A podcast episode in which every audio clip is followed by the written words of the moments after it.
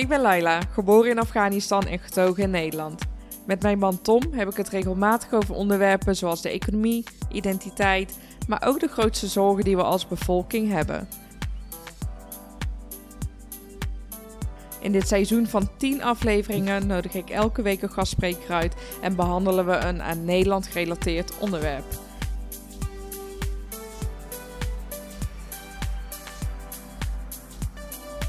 Welkom bij Nederkast, ga mee op reis en laten we Nederland samen ontdekken.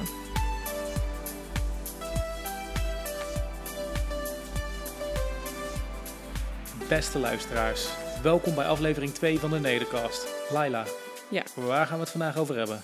Over teams en samenwerken. Teams Dus- en samenwerken. Ja, want dat is natuurlijk belangrijk eh, in de politiek, wat nu niet even heel lekker gaat. Is in de zorg belangrijk, bij bedrijven, maar ook als je het op kleinere schaal in het huishouden bekijkt, moet je natuurlijk ook kunnen samenwerken. Dus dat vond ik wel een heel interessant onderwerp. Ik heb een keer een heidag gehad die begeleid werd door Hans van der Loo. En ik was zo geïnspireerd en er viel voor mij zoveel op zijn plek dat ik zoiets had van wat als ik een aflevering maak wat een soort van handvatten biedt voor hoe je teams moet inrichten en hoe je beter moet kunnen samenwerken met, eh, met collega's. Interessant. Ja. Wat is een heidag? Gewoon dat je met z'n allen op een hutje op een hei zit. Ja, precies. En, En- die wordt dan begeleid door iemand. En in dit geval was het Hans van der Loo. En eh, waarom ben je tot die inzichten gekomen? Ik eh, had altijd op mijn cv staan, ik weet niet of je dit weet, maar ik had altijd op mijn cv staan dat ik een teamplayer was. Onder andere. Volgens mij hebben we dat allemaal. En volgens mij Precies. willen, denken we, werkgevers willen dat ook. Ja, dat denken we tenminste dat ze dat willen. 100% is teamplayer volgens mij op een bedrijf. Nou, ik dus niet meer sinds een aantal jaren. Want ik heb dat van mijn cv gehaald, omdat ik dus totaal niet... Ik kan wel samenwerken, maar ik merk dat als er niet een sterke leider in, eh, in het team zit, dat ik per direct die rol op me neem. Het was heel interessant. Het, het gaf me heel veel inzichten. Bijvoorbeeld, hij vertelde dat je maximaal met negen personen eigenlijk in een team moet zitten. Omdat er anders allemaal groepjes, kliekjes, sfeertjes ontstaan. Ja. Eh, en dat je dan zoveel eh, relaties hebt, daar is een formule voor, dat dat helemaal niet gaat werken om met eh 15 man in een team te zitten. Eigenlijk is er een minimum, optimum en een maximum eh, voor team, eh, in teams werken. Precies, en hij vertelde dus ook dat er wat basisprincipes zijn waar een team aan moet voldoen om gewoon een normaal functionerend gezond team te zijn. En er zijn ook principes die gelden om van je normale team een superteam te maken. En hij ligt het echt toe met cijfers en eh, data. Dus dat eh, maakt het wel heel erg interessant voor mij. Oh, Ben jij een teamplayer? eh, dat weet ik niet zo heel goed. Ja, ik vind van wel. Ja? Ja. Waarom weet je dat wel niet? Want je hebt best wel wat jaren werkervaring al. Ja, ik heb het idee dat ik eh, eigenlijk op de werkvloer best wel zacht ben. Ja, en, thuis niet. eh, ja, ik spaar het allemaal op voor thuis en dan eh, krijg jij de volle laag. Nee, ehm, ik denk dat over het algemeen dat ik kan met best wel goed samenwerken. Ik denk dat je omwille van de relatie niet altijd Met een zegt- gestrekt been erin wil vliegen. Precies. Ja, ja. Maar dat is ook een beetje mijn stijl eh, in mijn werk sowieso. Diepe relaties, eh, echt een vertrouwensband met, eh, met mijn Ja. klanten creëren. Ja, en die relaties bouw jij in een team ook Intern op. ook op, ja. Ja, precies. En, maar de- daarin, ja, daar druist een beetje tegenin om daar met een gestrekt been in te gaan. Want je Ja. probeert eigenlijk een soort van vriendschappelijke relatie op te bouwen. Ja. Nee, daar zijn we wel verschillend in. Maar dat maakt ons juist thuis wel een heel goed team. Ja, ja, ik probeer constant eh, de boel aan elkaar te lijmen. Jij eh, loopt hier gewoon constant met gestrekt been doorheen te vliegen door het huis. Maar goed, we houden elkaar een beetje in evenwicht op deze manier. Oké, maar goed, ik wil nog één ding over Hans van der Loo zeggen. Want hij schrijft dus management bestsellers. En ik heb dus het boek Teaming van hem ge- eh, gelezen. En dat is dus eigenlijk een beetje de workshop aflevering die hij zo meteen ook gaat geven. Dus ik heb er zin in. Mooi. Ik ben heel erg benieuwd. Hans, we gaan het vandaag hebben over teams en samenwerken. Waarom is dat zo belangrijk? Ja, hallo Laila. Ehm, waarom het zo belangrijk is? Nou, Eigenlijk zijn we de afgelopen 30 jaar in toenemende mate in teams gaan werken. Uh, 30 jaar geleden werkte ongeveer 30% van alle mensen in teams. Inmiddels is dat 94%. Zo, dat is een enorme stijging. Dat is een enorme stijging en het is een beetje stiekem gebeurd, zou je het kunnen zeggen. Dus we zijn ons er niet erg van bewust. En hoe komt het dat we steeds meer in teams zijn gaan werken? Nou, dat heeft veel te maken met de omgeving waarin we leven. Die is steeds dynamischer, die is complexer, die zit moeilijker in elkaar. Vraagstukken kan je niet meer in je eentje oplossen. Daar heb je teams voor nodig. Die vereisen ook steeds meer snelle actie. Dus we kunnen niet meer even wachten. Dat je denkt, nou ja, we gaan eerst twee, drie jaar gaan we onderzoek doen. En dan gaan we eens uh, vier jaar beleid besteden. En dan, uh, dan, dan zien we het wel. Nee, die vragen actie in het hier en nu. Ja, onmiddellijk. En, en dat onmiddellijk. En daar uh, voorzien die teams in. dat, dat, dat is één. En twee is dat teams lange tijd in een soort kwaad daglicht hebben gestaan. Want als we even teruggaan in de geschiedenis, naar het begin van de 20e eeuw. Ja dus 1900 ongeveer, toen werd het moderne management uitgevonden. Frederick Taylor en Henry Ford waren daar de grote eh, mannen waren daarin. En die hadden niks met samenwerkingen met teams.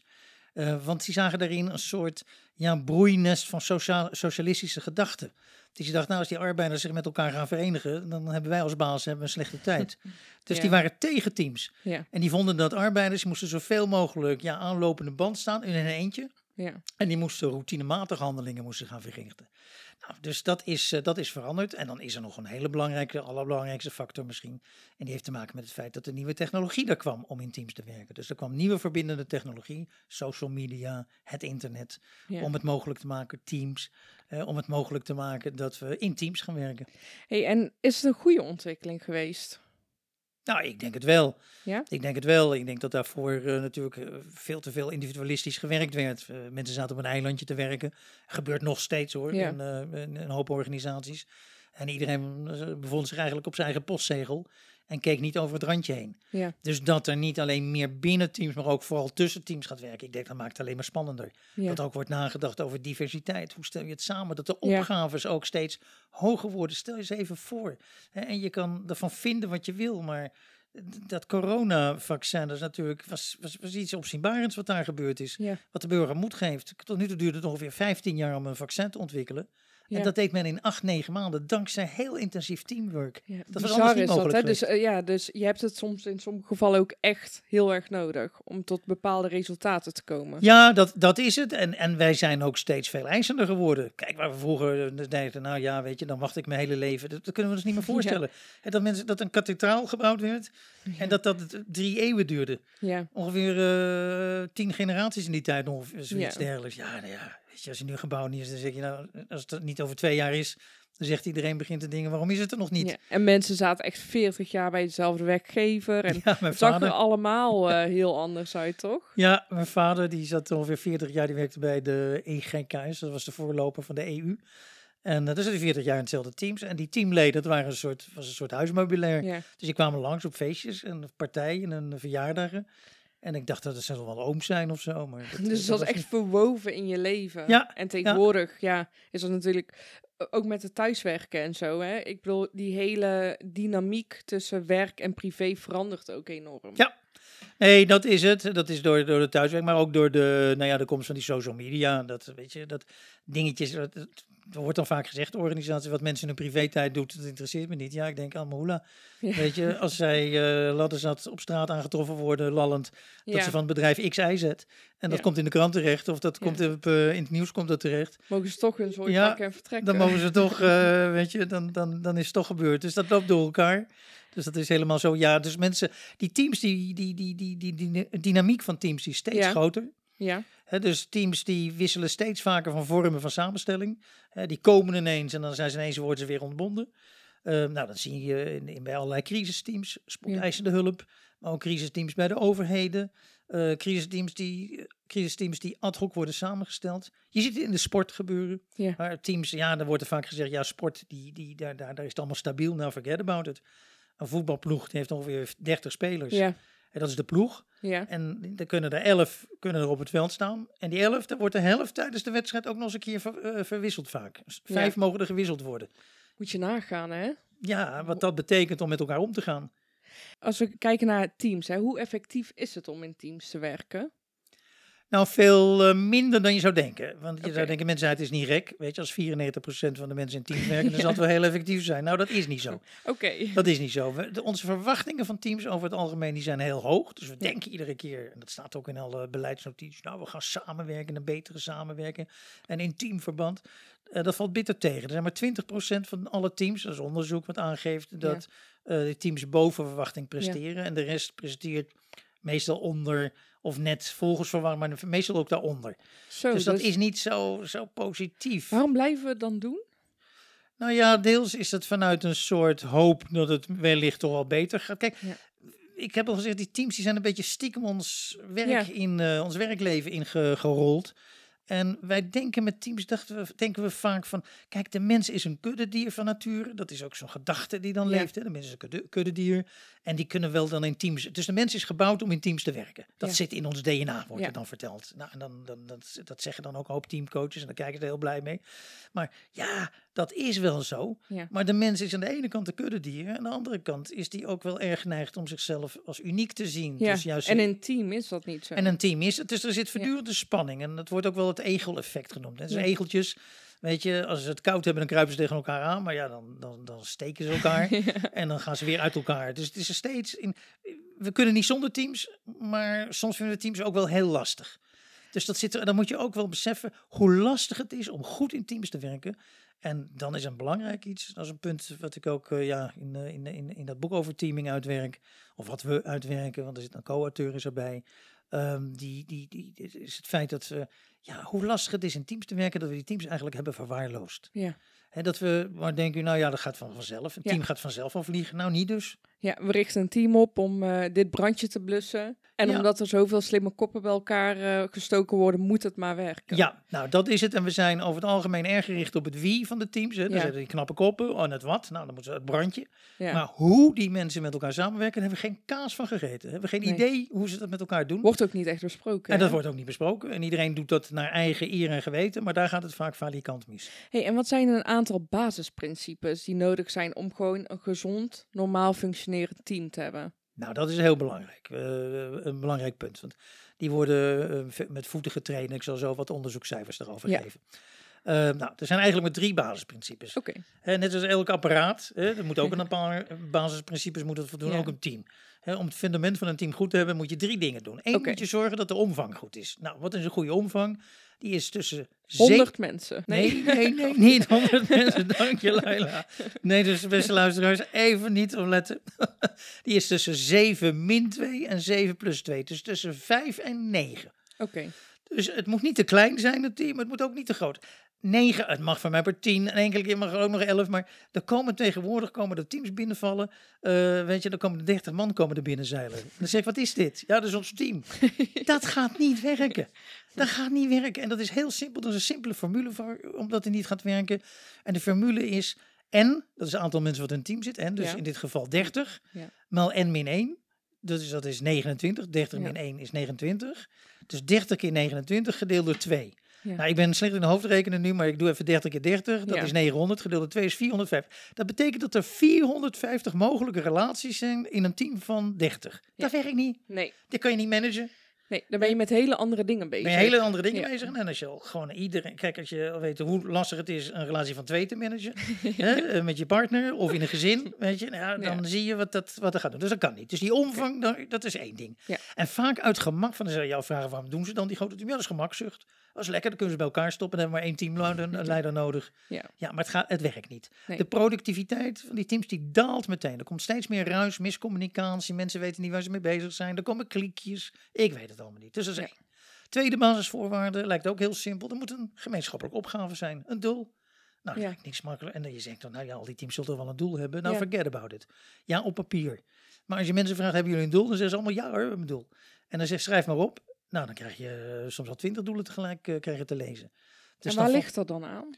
nou, dat het nooit echt goed met elkaar besproken is. En het ligt ook aan een beetje Nederlandse onhebbelijke eigenschap dat we ons nooit aan afspraken houden. Oké. Dat is ook typisch Nederlands. Weet Ja. je? We spreken met elkaar af dat we dat gaan doen en de volgende dag gaan we precies tegenovergestelde doen. Ja.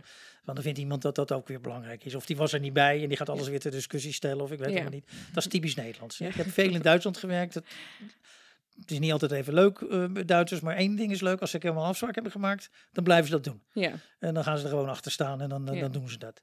Maar Nederlanders niet. Nou, dat doel, dat is dus die opgave, dat is ook vaak schimmig of ze zijn veel te abstract. ja. Dan kom je binnen in een team, we zijn, ja, we zijn er voor de kwaliteit van de patiënt. Ik denk, ja, fijn. Wat, wat doen jullie? ja. ja. ja, weet je, en dan blijkt het ook weer. Dus, dus dat is. Het derde is, nou, en eh, dan, dan, dan hou ik ook op hoor, met drie. Ja. Maar ze moeten afhankelijk van elkaar zijn. De teamleden moeten afhankelijk van elkaar zijn. En dat blijkt ook in een hoop gevallen niet zo te zijn. We hebben er onderzoek naar gedaan. Eh, ruim 40% van de gevallen hebben teamleden eigenlijk weinig met elkaar. Dat wil zeggen, ze kunnen hun werk net zo goed doen zonder team als met een team. Sterker nog, eh, ze zijn vaak beter af zonder dat team dan met een team. En wat heb je dan nodig om ze eh, afhankelijk van elkaar te maken? Nou ja, er zijn een paar dingetjes. Kijk, je kunt, zou kunnen zeggen, de, zou de kaart kunnen trekken van de, hoge, van de bewustwording. Ben je wel bewust van het feit dat je anderen nodig hebt? Ja. Je zou de kaart kunnen trekken van duidelijke rollenverdelingen. Dat je zegt, nou jij bent een aanvaller, jij bent een verdediger, jij bent een middenvelder. Nou, dan heb je elkaar nodig. Je kan ook door de kaart trekken van hogere doelen. Van als je doelen maar zo, als je eh, wat slappe doelen najaagt. Eh, of weinig Ja. ambitieuze doelen, nou, dan heb je elkaar niet nodig. Ja. Maar als, die, eh, als dat ambitieuzer wordt, Ja, je kunt de doelen zo maken dat je elkaar nodig hebt. En dat wordt veel te weinig gedaan. En daar zitten we wel bij een puntje. Hè, dat eh, die teams zijn verwaarloosd. In de eerste plaats door de teamleden. Maar ehm, ze worden ook verwaarloosd door, ja, door teamleiders die vaak bezig zijn met administratieve handelingen. Die zich opsluiten. Die het vaak als een soort promotie zijn dat ze teamleider zijn geworden. hoeven ze niet meer in team te zitten. Dus die onthouden zich zoveel mogelijk van dat team. Krankzinnig. Weet je, geen sportcoach dat in zijn hoofd halen van een, eh, van een professionele voetbalvereniging om te zeggen, jongens, ga lekker ballen. Eh, en als jullie ruzie hebben met elkaar, dan halen we er een teamcoach bij. ja. Weet je, succes ermee. Ja. Daar ben je er voortdurend mee bezig en dat zou nodig zijn. En die teamcoach gaat het ook over gevoelens hebben en over eh, misschien dingen, zaken die er totaal niet toe doen, toch? Ik bedoel, Nou, vaak wel. Dat is een beetje Nederlands. we zijn een beetje halve therapeuten geworden, denk ik soms. Kijk, die drie basisvoorwaarden of principes die ik net noemde, ja, daar wordt vaak niet aan voldaan. We hebben er onderzoek naar gedaan. 30 tot 40 procent van de teams voldoet daar niet aan. Dat is veel. dat is echt heel veel. Dat is echt veel. Dat Want dat veel. betekent dat er heel veel tijd en geld ehm, Ja. verloren gaat. Dat gaat verloren. En eh, ja, en, en, en, en, En mensen zijn daardoor ook misschien minder gelukkig op hun werk. Dat denk ik ook. Er wordt weinig, er wordt minder geleerd. eh, weet je, men wordt aangesuft. Men verveelt zich. Ja. En het vervelende is dat, dat is ook dat is Amerikaans onderzoek wat aangeeft dat 3 tot 5 procent van de mensen eigenlijk 35 procent van het werk verricht. Dus een paar mensen die werken zich uit de naad. ja. En de rest zit een beetje, dat heet tegenwoordig sociaal luieren. Dat is gewoon, die zit een beetje achterover te hangen. Weet je, die denken van, nou ja, het zal wel. Ja. En ja, en dat is zo desastreus. En je ziet het om je heen gebeuren, weet je, met jonge mensen die dan bij een grote organisatie zitten. En in het begin zijn ze vol, goed- je moet willen ze hard werken.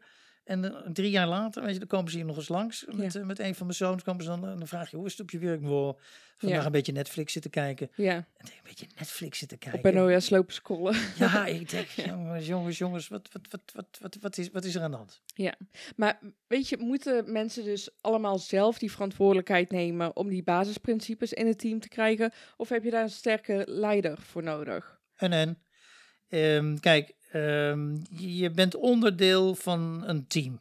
Ja. Dus je bent ook mede verantwoordelijk. Dus Ja. ik ben niet van de, van de school die zegt, nou, er moet een leider zijn en die moet het allemaal aangeven. En die- als die leider het niet doet, nou, dan gebeurt het ook niet. Nee, Ja. je bent zelf verantwoordelijk. En dat is ook het leuke. Ja, Weet je, we zijn opgegroeid tot autonomie.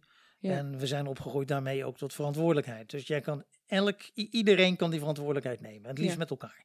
Dus het is niet zo, die, maar kijk, die leider heeft dan wel weer een specifieke pos- positie, omdat hij op basis van die, van die positie inderdaad dingen in gang kan zetten. Kijk, Ja. als die niet doet, dan, eh, dan gaat er heel weinig gebeuren. Ja. En dan gaat er heel weinig gebeuren. Dus als die ja, het accepteert blijkbaar, en dat is dan, eh, weet je, veel met, over praten van, dan vraag je aan die mensen die eens op team van 30, en dan zeg je, werkt dat in de praktijk? Nee.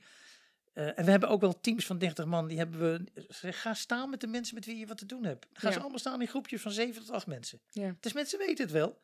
Van de rest hebben ze niks mee te maken eigenlijk. Dus het zijn eigenlijk drie of vier teams in één. ja, En dan vraag je zo'n teamleider, ja, ja, zeg ja, nou dat is nou eenmaal zo, dat is me opgedragen. Ik denk, Ja. ja, is me opgedragen, wat is het voor flauwekul? ja, Weet je, eh, de- de 50 jaar geleden eh, gold dat. Maar tegenwoordig mag je toch veronderstellen, zeker op het gebied van een, ook al ben je een lagere lei- leidinggevende, weet je, op teamleiderniveau, ja, dat je dan zegt, dat gaat niet werken. ja. En dat je argumenten aandraagt. Dus daar zit ook een, nou, een beetje een gemakzucht. En, en ik weet dat dit een, eh, ja, dit, dit, dit is een podcastserie die gaat over het goede van Nederland. En er zit een hoop goed in Nederland hoor. En het, ik zou ook niet in een ander land willen wonen. Ik kom Nee. zelf uit Luxemburg, by the way. Dus ik ben eh, dus ook niet van origine hier vandaan. Ja. Eh, maar ik, ik herken wel elementen, laat zeggen, waar ik me eigenlijk naarmate ik ouder word steeds meer aan begin te ergeren. Dat is van een ontzettende gemakzucht en een gemoedsrust. Ja. Ja. het komt wel goed en we zijn zo goed, Ja. weet je. En dan, dan wordt het een soort vergoelijking. Terwijl ik denk, jongens, ook al ben je goed, je kan altijd beter. ja, En dat vind ik het leuke van sport. Weet je, die topsport, dat Het moet fascineert me altijd, altijd. beter, hè? Dan moet het beter, Ja. weet je. En als je een paar jaar rust, dan... Je, dat, dat is vaak gezegd, weet je. Concurreren, concurrenten, je concurrenten, die worden door jou gemaakt. Ja, Als jij maar achterover leunt en denkt dat je fantastisch bent, dan Ja. komen de concurrenten vanzelf. precies. hey, en je hebt het over goed en beter. Eh, dus die drie basisprincipes die gelden voor om een gezond, goed team te maken. Zijn er ook regels om een, eh, nou ja, een uitstekend team te creëren? Nou, naarmate je team dynamischer is hè, en die Ja. dynamiek van... Kijk, niet alle teams, dat wordt wel gezegd, die zullen dynam- dynamisch worden. Het is, Ja. Kijk, soms er zijn routinematig werk dat gewoon routine- routinematig werk blijft. En dat kan gewoon op de traditionele manier ge- ge- geregeld worden. Dan zie je steeds meer soort projectmatig werk. Daar is, is een, zekere mate van dynamiek is er Ja. eh, nodig.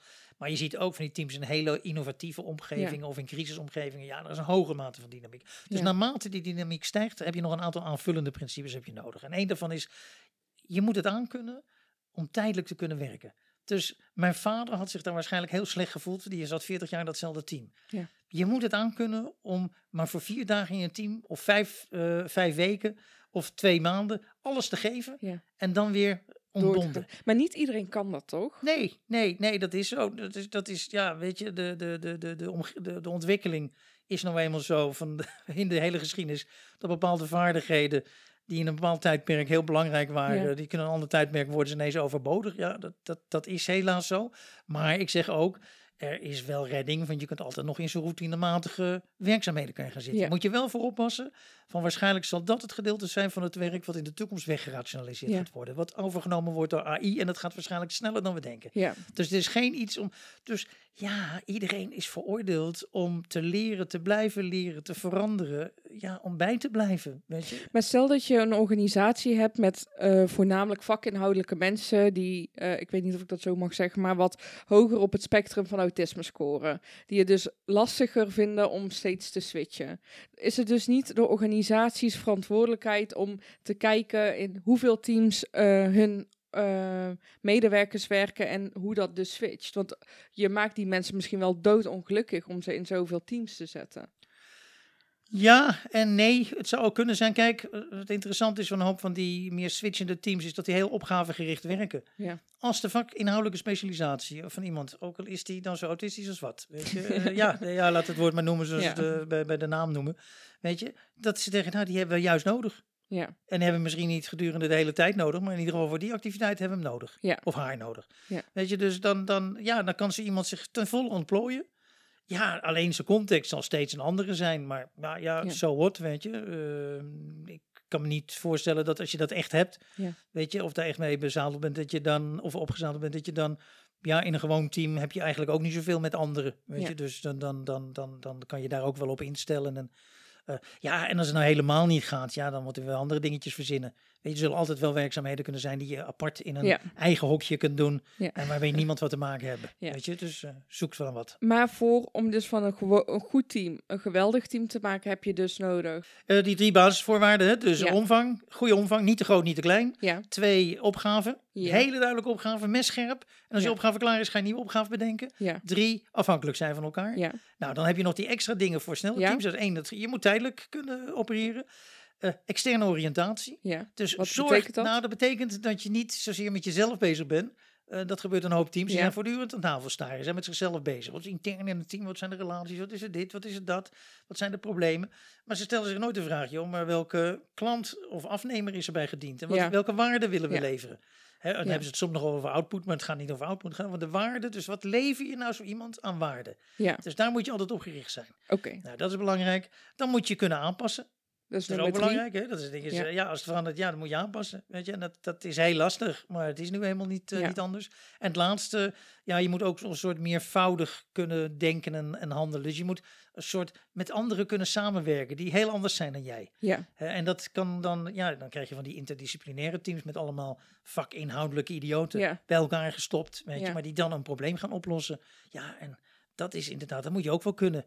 Of mensen zelfs die helemaal buiten andere range is. Dat vond ik wel interessant. in je boek had je ook geschreven over psychologische veiligheid. Eh, Hoe zwaar weegt dat in zo'n team? Nou, dat is even, dan zijn we een stapje verder. Hè? Want dat is Ja. weer eenmaal die, die basisprincipes. En Ja, dat is ja. eigenlijk eh, workshop principe 1. Zorg dat die op orde zijn. In ieder geval die drie. Hè? En als je dan met een heel dynamisch team en je wil het heel goed gaan doen, dan ga je nog aan die andere vier werken. Eh, dus dat is belangrijk. Nou, als je dat hebt, dan zijn er een aantal andere zaken die gaan spelen. Ja. En ik noem dat, eh, we- of we noemen dat een vliegwiel. Om een, een, een, een, een, vliegwiel is een mooi begrip, omdat, of een mooie metafoor, omdat het in het begin langzaam gaat en moeizaam gaat. Het is moeizaam om zo'n team op gang te krijgen. Ja, En van met die principes alleen is een team nog niet, eh, dat heeft nog geen vleugels. Hè? Nee. Er moet wat meer gaan gebeuren. Dus dan moet je structuur hebben, maar je moet ook een cultuur hebben. En een onderdeel van die cultuur is psychologische veiligheid. Nou, wat is nou psychologische veiligheid? Psychologische veiligheid, dat is het gevoel dat het safe is in je team. Dat je risico's kan nemen.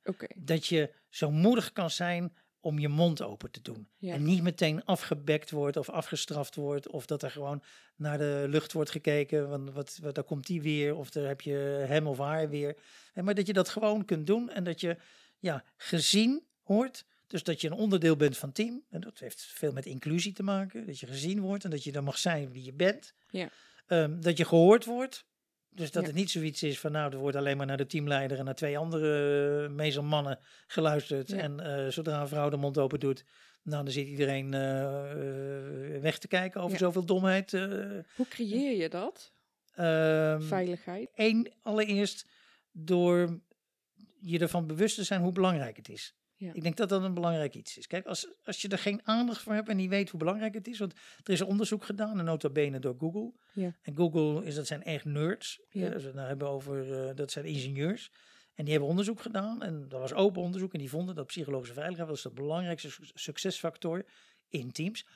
Dan moet ik er gelijk bij zeggen, als die basisprincipes allemaal goed zijn ingevuld. En dat was bij Google het geval. Weet je? Ja. Dus, dus dat hadden ze allemaal op orde. Maar toen gingen ze kijken, wat is er verder nog? En toen kwamen ze uit bij die psychologische veiligheid. En ja, weet je, dus je moet daarvan bewust zijn. Als Ja. jij denkt, nou ja, wat een flauwkul onderwerp. eh, weet je, iedereen aan het woord eh, laten komen. Nou, daar heb ik helemaal geen zin in. Ja, Eh, ja, dat gaat niet gebeuren. Ja. Dus, en als je allerlei uitvluchten hebt, ik heb altijd zo druk en er is geen tijd voor, of ik ga niet meedoen aan woke, weet je, of dat soort, je je definieert het weg. Ja, Ja. dat gaat niet gebeuren. Dus eerst de bewustwording is belangrijk. Nou, dan kun je een paar stappen zetten. Eén heeft te maken toch met een soort basisvertrouwen. Is er voldoende vertrouwen in het team? Vertrouw in elkaar. Ja. Weet je, vertrouw je in elkaar een beetje. En vertrouwen heeft ook weer veel te maken met zijn er goede afspraken. ja, Heb je goede afspraken met elkaar gemaakt? Als, dus daarom zijn die basisprincipes ook weer belangrijk. Als dat Ja. eenmaal goed is, ja, nou, dan, dan denk je van, nou, dat, dat vertrouw ik wel. Maar vertrouwen is niet genoeg. Er wordt vaak gezegd, veiligheid of psychologische veiligheid is een kwestie van vertrouwen. Je moet ook wel je mond open doen. Dus er, dat is een mooi woord, vrijmoedigheid. ja, Dus je moet ook wel de vrijheid hebben en de moed hebben om je, je mond open te doen als het opkomt. ja, En dat is best wel lastig, want er zijn duizend en één overwegingen, Laila, om het niet te doen. Ja. Evolutionair zit het zo in onze kop dat we nog nooit is er iemand eh, ons, niet ont, eh, ontslagen en er is ook nooit iemand ter dood veroordeeld omdat hij zijn mond hield. ja. Mensen zijn wel ontslagen, ter dood veroordeeld omdat ze zijn mond open deden. Dus het is een risicoafweging Dus die het is maakt. altijd risicoafweging. Ja. En dat speelt keihard door je hoofd. En er zijn alle. En de risicoafweging, wat is het dan? Want tegenwoordig worden wij niet meer meteen eh, ter dood veroordeeld in, in deze contraien. Maar dat is, ja, waar heeft het mee te maken? Zullen anderen het niet gek vinden als ik Ja, iets zeg? Precies. Eh, word ik niet als een uitslover gezien? Oh, dan heb je hem of haar weer die zo nodig iets moet zeggen. Nou, al dat soort dingetjes. Wat die als gaan ik door- iets dom zeg. nou ja, eh, dat gaat door je hoofd. De, de baas zit erbij, weet je. Ja. Dan is ook nog angst, weet je. Van, nou, laat mijn mond maar houden. Dus dat zijn allemaal dingetjes. En iedereen in zijn leven, en dat is ook weer het leuke van psychologische veiligheid. Er is niemand die het nooit heeft meegemaakt. Ja. Er is niemand die nooit heeft meegemaakt dat hij niet zich ergens in een gezelschap thuis voelde. ja, Of in een team binnenkwam en dat ze je aan zaten te kijken alsof, je, ze, als ze water zagen branden. Weet je, of je negeerde. dus iedereen kent het wel. Iedereen kent het. Iedereen kent ook het moment dat hij eigenlijk iets had willen zeggen Ja, maar dat hij het niet deed. Ja. Dat je na afloop in de auto, ik zelf ook, ben een vrij extravert. Maar in de auto was soms even van, hallo, waarom heb je bek niet? Dit was het moment geweest. En je hebt je mond niet open gedaan. Ja. Shame on you. Ik je? herken dat van vroeger, van gewoon van school. Dat eh, de juf of meester iets eh, vroeg en dat je dan eh, denkt van, zal ik mijn hand opsteken of niet, of nee, of wel. En dan ben je aan het wikken en het wegen en dan steekt iemand zijn hand op en die geeft het antwoord wat jij had willen geven. Ja. En denk je, shit, ik wist het. Ja, ja. Maar die vrijmoedigheid, en hoe kan je dat doen? Daar kan het bijvoorbeeld een teamleider Ja. ook weer veel doen, maar er kunnen ook teamleden zijn. Ja, geef mensen ook eens het woord. Die, die, die niet altijd aan het woord zijn. Dus het is Ja. te makkelijk om te zeggen, nou, ik heb een vraag en dan gaan dezelfde drie die het altijd is, de dominee, die gaan het zeggen. Ja, Accepteer het niet dat wanneer iemand wordt afgekapt, of accepteer dan niet dat iemand iets zegt. Er wordt helemaal niet naar Ja. geluisterd. En even later gaat, dezelfde, gaat iemand anders hetzelfde zeggen. En dan wordt het ineens als iets geniaals gezien. Accepteer dat niet. Weet je, dus wees daar alert op.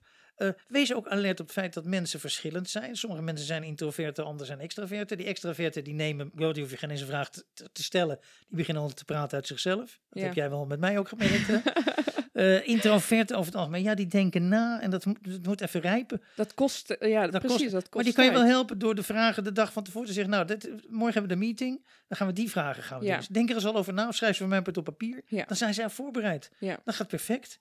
Weet je, dan eh, voorkom je in ieder geval geen pijnlijke stiltes. Ja, je. en je kan iedereen, het hele team, die vragen doorsturen. toch? Tuurlijk, dat kan ook. En, Ja. en, en, en, en ja, en zorg ook dat, je, dat mensen ook leren om elkaar aan te spreken als, Ja. eh, als er iets niet zint. Ja, dat is echt een aanspreekcultuur. En dat is iets meer dan die gebruikelijke feedback eh, techniekjes. Ja. Weet je, want dat is echt een cultuur dat je denkt van, nou ja, ik durf het om iemand aan te spreken en ik sta ook ergens voor.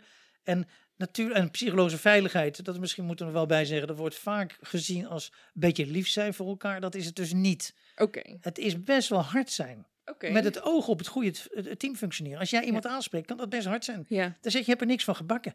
Ja. Nou, dan zou ik je niet aanraden om het zo te vertellen, weet je. Maar dat kan je ook een meer, meer verbindende manier doen. Maar uiteindelijk kan het best wel op een gegeven moment, ja, het kan ook wel pijn doen. ja. Dus het is niet elkaar de hand boven het hoofd houden en een beetje warm gevoel en een beetje Doen we dat überhaupt in Nederland? Want ik bedoel, we zijn heel direct, toch? Nee. Nee? Nee, er is onderzoek naar gedaan, of wij hebben er onderzoek naar gedaan onder duizenden eh, Nederlanders. En dan blijkt dat ongeveer maar 30%, een derde, die zegt van zichzelf, ik, ik, doe, ik, zeg, eh, ik zeg wat ik denk eh, tijdens meetings. Ja. Dus wij hebben de naam heel direct te zijn en we hebben de naam heel open te zijn. Maar tijdens het werk, oh, dan houden we onze mond. En dan zijn we ineens op onze kievieven. ja. Dus dat, eh, Maar dat werkt helemaal dus niet effectief. Nee, nee, ja, daar was natuurlijk eh, Google juist om te doen. Weet je, als, als, als, er, als fouten nooit besproken worden, of Ja. die worden verdoezeld, weet je, of niemand voelt zich aangesproken, of iedereen denkt, nou ja, weet je, als jij Ja. niks over mij zegt, dan zeg ik niks over jou. Weet Ja, je, dat soort afspraakjes die vaak impliciet of expliciet gemaakt worden, ja, dan, dan gaat het niet werken. Weet je, dan komt zo'n team vooruit. Je leert niks. Ja. Ik vind dat toch lastig om in een team moet je wel ehm, elkaar eh, kunnen aanspreken op wat gaande is. Maar er moet ook een bepaalde veiligheid zet- eh, zijn. En dat snap ik allemaal. Eh, je kan dat natuurlijk niet meteen bij de teamleden wegleggen. leggen. Snap je wat ik bedoel? Is, dat Ja. niet, is het niet heel belangrijk dus wie je als leidinggevende op een team zet? Ja, dat, dat is zo. Kijk, ik moet die, die functie van leiderschap niet, niet, niet bagatelliseren. Maar ik wil ervoor waken dat het te veel van. Dat is, kijk, een hoop hiërarchische organisaties. hè, en het, wat, wat, wat we op het moment zien met die teams, dat die organisaties, die vroeger heel hiërarchisch waren, hè, de piramide. Dat die eigenlijk dat, eh, dat die evolueren tot een soort, ja, dat wordt tegenwoordig een team of teams genoemd. Een organisatie is eigenlijk een verzameling teams aan het worden. Ja, ja, ja. Weet je, en daar gebeurt het werk in die teams. Daar gebeurt het werk. En dan kan we zeggen, ja, dan moeten dus goede mensen op die teams zitten. Daar ben ik het helemaal mee eens. Ja. Maar die moeten dan, A, moeten ze inderdaad heel goed zijn. ja. Die moeten heel gekwalificeerd zijn om ook dit soort zaken te kunnen. En want we hebben het hier over toch sociale vaardigheden, communicatieve vaardigheden. Nou, wat ik zo zie om me heen, hebben daar de meeste teamleiders, ook trouwens de meeste managers, geen enkele kaas van gegeten. Ook niet erg, joh, want die komen uit een ingenieursberoep of ze zijn als jurist geschoold. Dus die zijn hier niet in. En die hebben hooguit een cursusje gedaan van een keer een dag. Ja, Maar dat is ook niet genoeg. nee. Eh, Ik herinner me altijd nog dat een, ja, een, een, een- de, de man van een vriendin van mijn vrouw. Die was naar een cursus, tweedaagse cursus geweest, emotieregulering. ja. nou, dat is echt zo'n hardboiled manager. Echt zo'n, zo'n, zo'n, hij komt van TH Delft. En Ja. dacht van, wat heeft die daar nou geleerd? Ik heb hem nog ook gevraagd, joh, wat heb jij daar geleerd? Nou, dat was niks eigenlijk. Maar ja, één ding. Je moet, als jij met mensen praat, en het liefst met vrouwen, dan moet je gewoon tien seconden over een kinderen beginnen en dan krijg je alles van ze gedaan. Oké. Oké, nou dat Ja. is dus hoe er dan over... Ja, nee, maar weet je, Ja. dat is het niveau hoor. Ja, mager. Dat is het niveau. Dus Ja. daar moet echt een gigantische slag nog gemaakt worden. En dan denk ik vaak, dan zitten soms in teams, zitten er mensen, gewoon teamleden, die, joh, die zijn er goed in. Die, zijn, die, zijn, die, zijn, die zijn een pro. Die zijn goed in feedback, in aanspreken. Die kunnen het fantastisch. Die kunnen, die kunnen dat van Maar zou je zeggen, laat het hun dan doen? Ja, en als je een goede teamleider bent, want vroeger was een teamleider was inderdaad de supervisor en die- Ja. die moest het dan allemaal, eh, dan wordt er allemaal naar de teamleider gekeken. Maar de teamleider van nu, eh, of de manager van nu, of de Ja. leider van nu, is veel meer iemand die weet wie is daar ergens goed in. Die Ja. weet nou, Laila die is hartstikke goed in die vorm van communicatie. Daar kunnen we, nou, zou jij dat willen opnemen? En zou jij dat willen wat dat Ja. betreft? Dus delegeren. Ja. Weet je, en jij gewoon, en ik ga ook van jou leren. Want ik wil echt wel een paar dagen met jou meelopen om te kijken hoe je dat doet. Ja. Oh, maar dat is gaaf. ja, dus die manager of die leidinggevende hoeft niet alle kennis in huis te hebben en alle wijsheid in pacht, maar die wel, moet wel kunnen zien waar gaan we heen en wie kan per onderdeel het beste ons daar brengen. Ja, dat is een illusie. En die, eh, die gold vroeger. Weet je, de leider die heeft alle wijsheid in pacht. Nee, precies. Nou, maar, tegenwoordig is het veel meer wie het weet, mag het zeggen. Ja. Nou, Maar waarom is er dan überhaupt de leidinggevende? Nou ja, omdat er, kijk, dat is gebleken als teams dat niet hebben. En er zijn voor, natuurlijk al die zelfsturende teams en allerlei Ja. exer- exercities mee gedaan. wordt het puinhoop. Ja. Dus er is iemand nodig die een formeel coördinerende leiding eh Ja. eh, eh, de ding heeft. En ook is het goed als jij je team echt op een hoger niveau wil brengen. Kijk naar sportteams. Ja. Die hebben ook een coach. En die hebben niet één coach, maar die hebben meerdere coaches. hè. Dus je, hebt meerdere leiders zelfs nodig. Ja, En dan hebben we niet één coach, ze hebben coaches en ze hebben assistenten en ze hebben coach op dat gebied en op dat gebied en op dat gebied. Dus dat is ook een heel team van coaches. Ja, team van coaches heb je eigenlijk nodig. Ja, om überhaupt het team verder te brengen, om mensen te leren enzovoort. En dus daar heb je ze wel voor nodig. Ja. Maar niet om ze te controleren of ze werk wel goed gedaan hebben. Of Ja. er als een schoolmeester of schooljuf te gaan zitten om te kijken van... eh, die eigenlijk Ja. dus weg vrijmaken voor het team. ja, Dat zijn leidinggevenden. stimuleren, leren, groeien, ontwikkelen. Dat zijn eigenlijk de, de belangrijke dingen. En soms ook nog, dan zijn ze ook de eindverantwoordelijkheid. heid, Ja, als er dingen misgaan, Ja. als er dan toch dingen spelen of zoiets dergelijks, je denkt, nou ja, dit kan niet, dan ook ja, niet wegkijken. Ja. En dat is natuurlijk wel een gigantisch probleem onder leiders. Hè? Want we hebben het vaak over leiders als autoritaire types, de bullies, hè, de bullenbakken. Ja. Maar het aantal wegkijkende, laissez-faire leiders is in Nederlandse situaties minstens zo groot, zo Ja. blijkt dat onderzoek. Wat is de beste leidersvorm dan?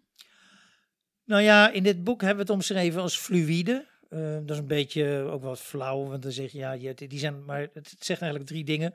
Ze zijn afgestemd op datgene wat in, de, eh, in een bepaalde omstandigheid nodig is. Dus ze hebben een soort vermogen om te shiften, dus ze kunnen schakelen van het ene moment naar het andere. Kijk, in crisistijden zul je op andere manieren moeten opereren. Dan is het even nodig, jongens, nu even, even korte Ja. lijnen. Nu even dit, dit, dit, dit. Dit is nodig. Toen corona Ja. begon, had je het liefst van die mensen dat je zegt, oké, actie. Ja. Nou, weet je.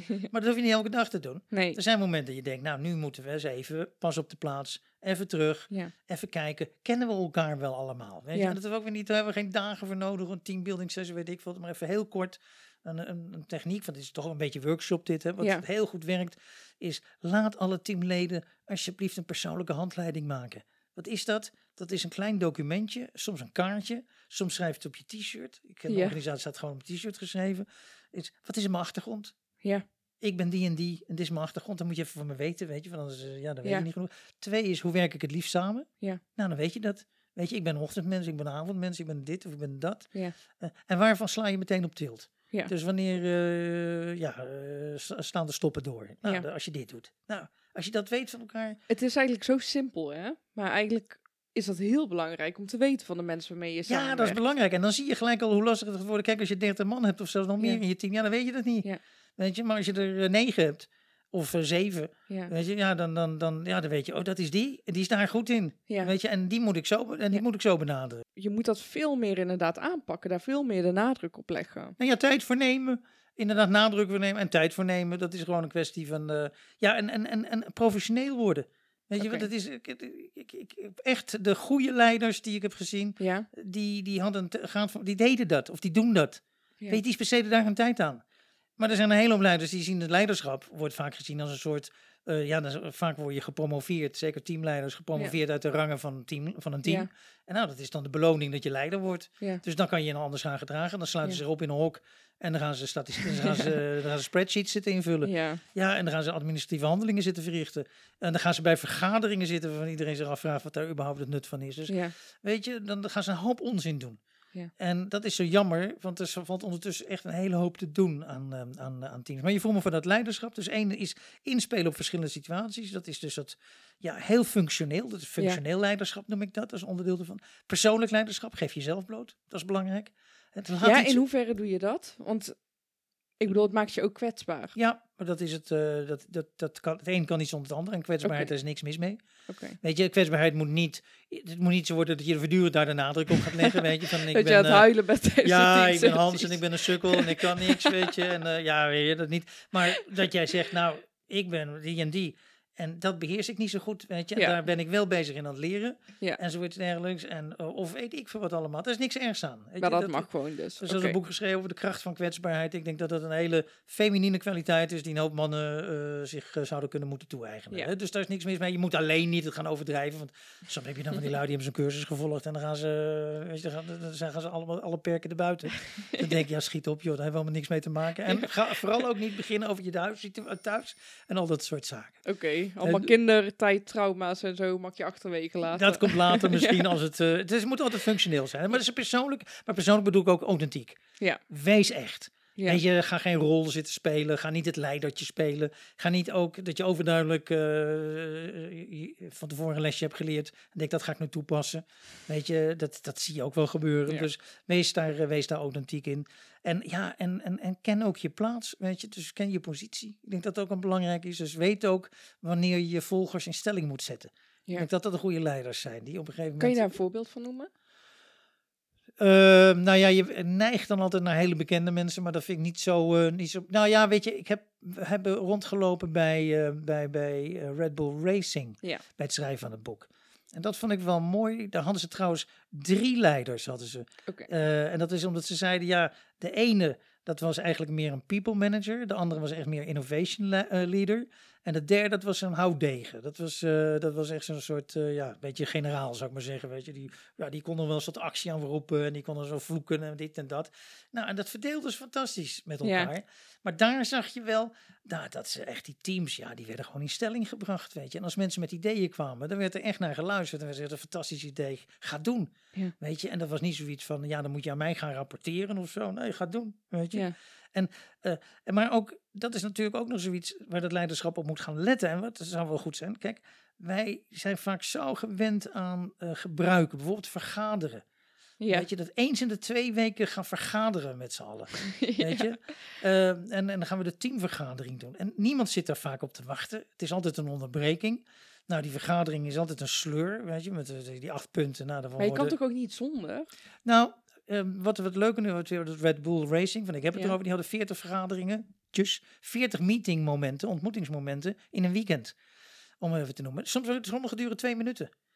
Niet iedereen hoeft bij elke vergadering aanwezig te zijn. Sommige duurden drie uur. Ze waren met debrief, vlak na de race doen ze drie uur, zijn ze precies aan het kijken, wat is er gebeurd? Nou, dat zou wel mooi zijn. En we hebben wel, die, eh, dat Scrum kennen we, die daily huddles. Ja. Maar ook dat moet je wel serieus aanpakken. Kijk, van die organisatie, een hoop organisaties zijn het alweer vergeten trouwens. hè. Die denken, oh, dat gaan we niet doen. Terwijl het zo goed is dat je even s'avonds met elkaar zegt, wat, hebben, wat hadden we afgesproken Ja. vanochtend? Wat hebben we gedaan? Wat hebben we niet gedaan? Hoe kunnen we elkaar helpen? Eh, Ja. Enzovoort. En hoe kunnen we morgen wel zorgen dat het gebeurt? Ja. Eh, en s ochtends ook weer. Wat hebben we eigenlijk alweer gisteren gezegd? Wat gaan we doen? Oké, hoeft maar twee minuten te duren, Ja. drie minuten, klaar. Weet je, dat is eh, zo belangrijk. En dan moet je het ook wel serieus nemen, dat je elkaar ook leert om elkaar daarin aan te spreken. We waren een keer bij een onderwijsorganisatie. Ehm, of was bijna beter gezegd een ministerie was dat. En daarin werd op een gegeven moment gezegd van eh, ja, die huddle dat doen we wel. Maar eh, we spreken elkaar niet aan op persoonlijk functioneren. Ja, dat was nou juist het ding. Weet je, dat iedereen persoonlijk zei van dit heb ik gedaan. dus- Dan kan je geen hulp vragen dus. Ja. Dus dan ga je een beetje eh, zitten leuteren met z'n drieën. En ik, ik heb erbij geweest. Wat, ik zei, nou, dan wil ik wel eens zien wat er dan gebeurt. Dan zaten ze een beetje te leuteren. dat ze gisteren tv hadden gekeken. En ik weet allemaal niet, het ging nergens over. ik denk, ja jongens, wat, wat is dit? Dit is toch niet professioneel? Dus Die pro- eigenlijk is mijn hele verhaal is erop gericht, jongens, het kan veel professioneler. En dan kunnen teams die kunnen 10 keer, 20 keer, 30 keer, 40 keer beter zelfs. Ja. Dat eh, blijkt ook uit onderzoek. Stel dat je elke week een management meeting hebt. En je hebt allemaal punten en daar ga je het over hebben. Ik zit in situaties waarbij meetings ook in tijd worden overschreden. Ehm, hoe pak je dat soort dingen aan? Ik bedoel, wat maakt een meeting effi- eh, efficiënt?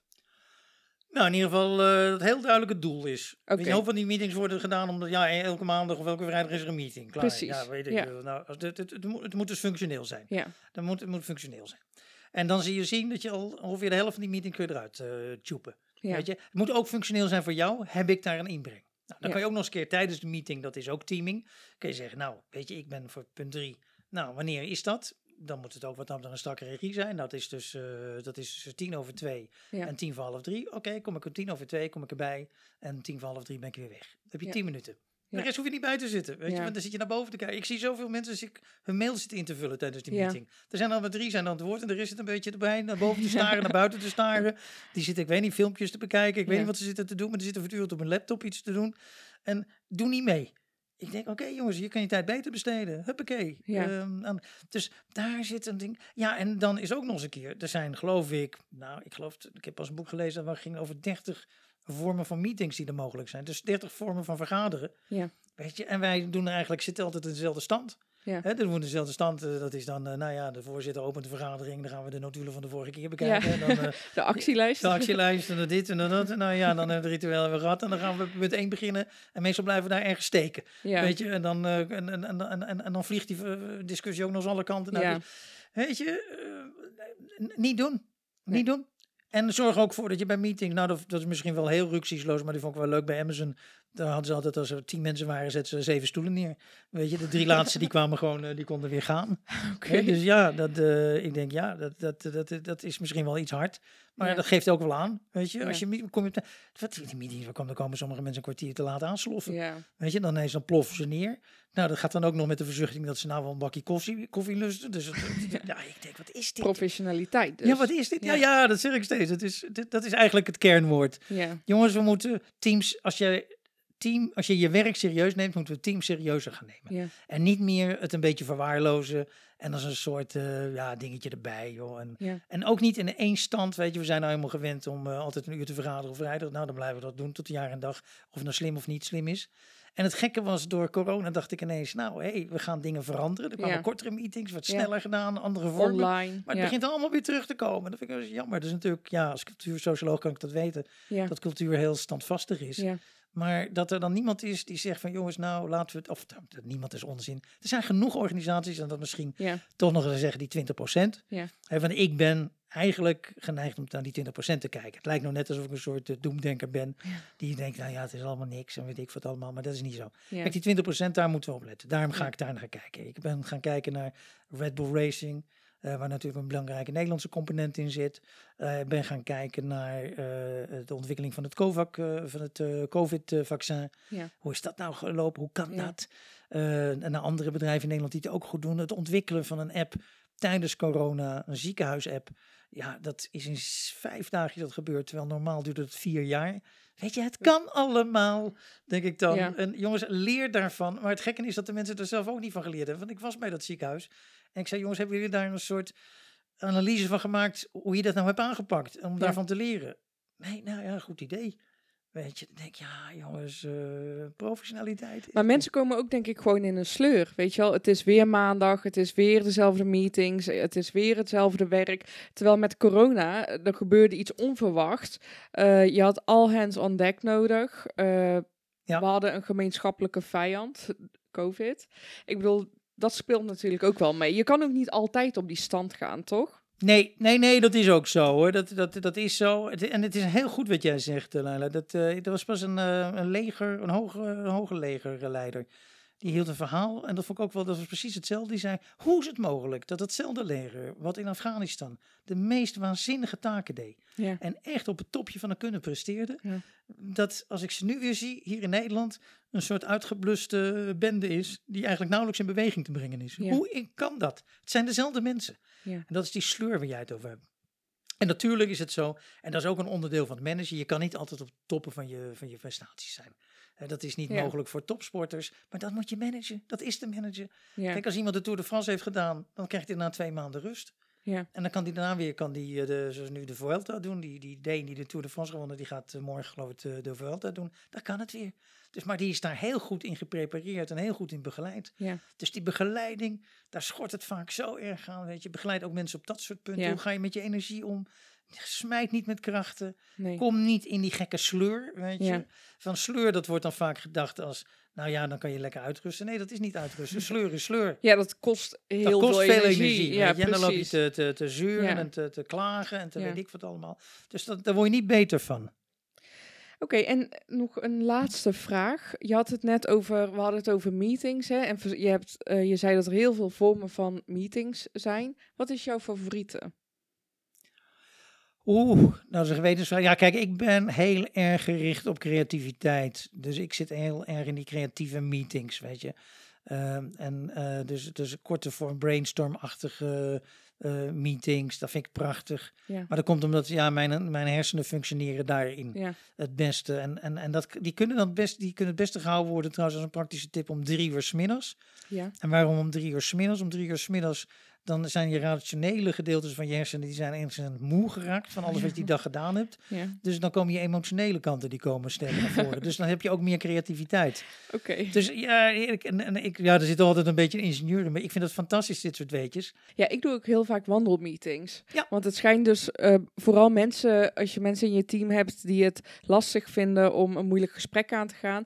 En je moet een moeilijk gesprek met ze voeren of iets wat voor hun moeilijk is. Dan kan je ook het beste wandelen, want hun hartslag eh, wordt dan verhoogd. En hebben ze dus eigenlijk niet door dat eh, dat komt door het, eh, want dat komt dan niet Ja. direct door het moeilijke gesprek. Dus wandelend meetings houden schijnt ook gewoon eh, Ja, maar dan word je hersenen ook geactiveerd. ja, oké, dan heb ik een aller, aller, allerlaatste vraag.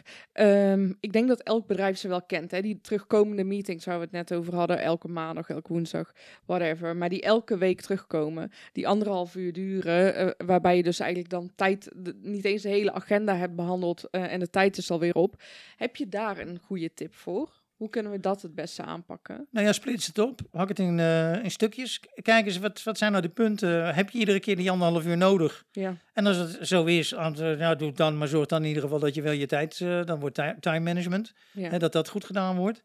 Ehm, en dat je ook andere dingen in de gaten houdt natuurlijk. Van hoe gaan mensen met elkaar om? Hoe is de chemie? eh, wie zegt wat? eh, en dat, dat soort zaken. Dus dat, dat is, ja, dat is zo'n rol van, van, van, van voorzitter. Dat is iets eh, anders dan gewoon de agenda aflopen. En dan zeggen, nou, dit zijn de actiepunten en die worden gemaakt, weet je. Ik denk dat wordt vaak nog als een soort formele rol gezien. Nee, dat is, een hele, dat is echt een hele zware rol. Maar ja, kijk vooral of je niet dat kan opsplitsen in allerlei kleine deelmeetings. Weet je, en, en, en, en, en, ja, en gaat het ook ergens over? Dat is een belangrijke Ja. vraag. Weet je, is het niet allemaal de, de, de, de weetjes die je zit uit te wisselen? Want ik zit bij een hele hoop van die meetings. Dan denk ik, nou, dit had allemaal gewoon per e-mail ge- gestuurd kunnen worden. is gewoon informatie. dus een stuk ook eh, bewuster daarmee omgaan. Ja, minder vanzelfsprekend en veel meer nadenken over wat vraagt dit moment nu. Ja, Eh, en, het, en het gaat steeds. En zorg dan als je er bent, dat het hier en nu dat je daar dan bent. ja, Weet je dat je er ook bent. ja. niet dat je niet, laptop eh, andere dingen. En dat je andere dingen zit te Ja. doen. Want het, het, het kan niet. Klaar. Ja.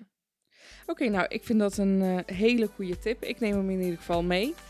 Eh, Hans, ik wil je onwijs bedanken voor je tijd, voor alle goede wijze raad. En eh, ik hoop dat de luisteraar er ook iets aan heeft. Dank je, Leila. Ik vond het ook erg leuk om te doen. En eh, ja, ik wens de luisteraar ook hetzelfde toe. Dankjewel. Joep.